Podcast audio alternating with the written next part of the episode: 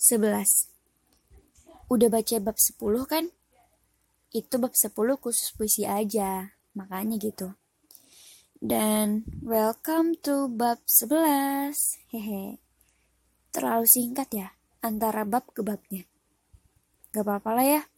Soalnya lagi mau kejar deadline nih. Hehe. Jujur pula lah si Arani. Kalau Anggun mencerna kata demi kata dalam puisi itu, mungkin Anggun akan menyadari ada hal-hal tertentu yang tertera di sana.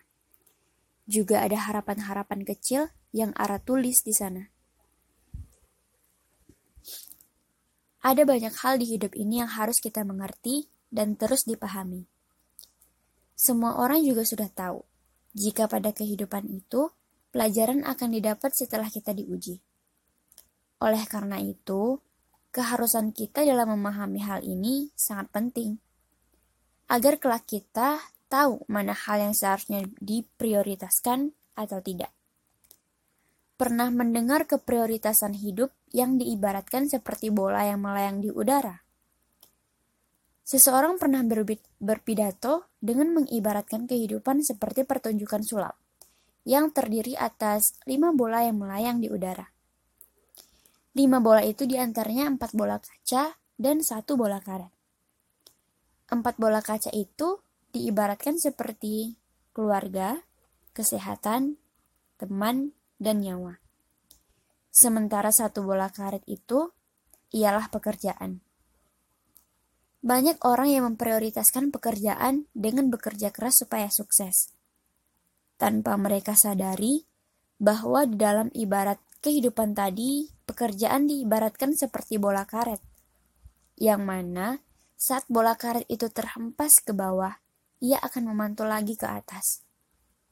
Sementara empat bola kaca lainnya, jika terhempas ke bawah, maka ia akan pecah berkeping-keping.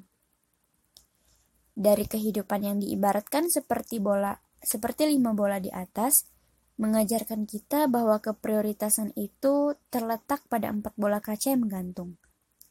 Di antaranya yaitu keluarga, kesehatan, teman dan nyawa. Namun, bukan berarti pekerjaan tidak kalah penting.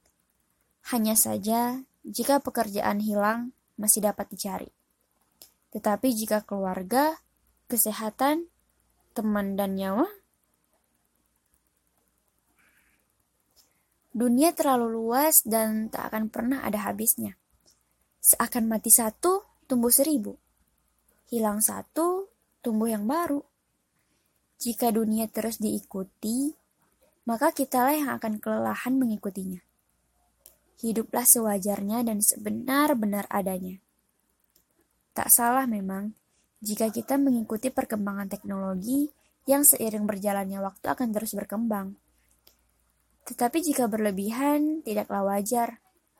Karena segala sesuatu yang berlebihan itu tidak baik. Dan Allah pun tidak menyukai hal-hal yang berlebihan seperti kata-kata religi yang sering terdengar.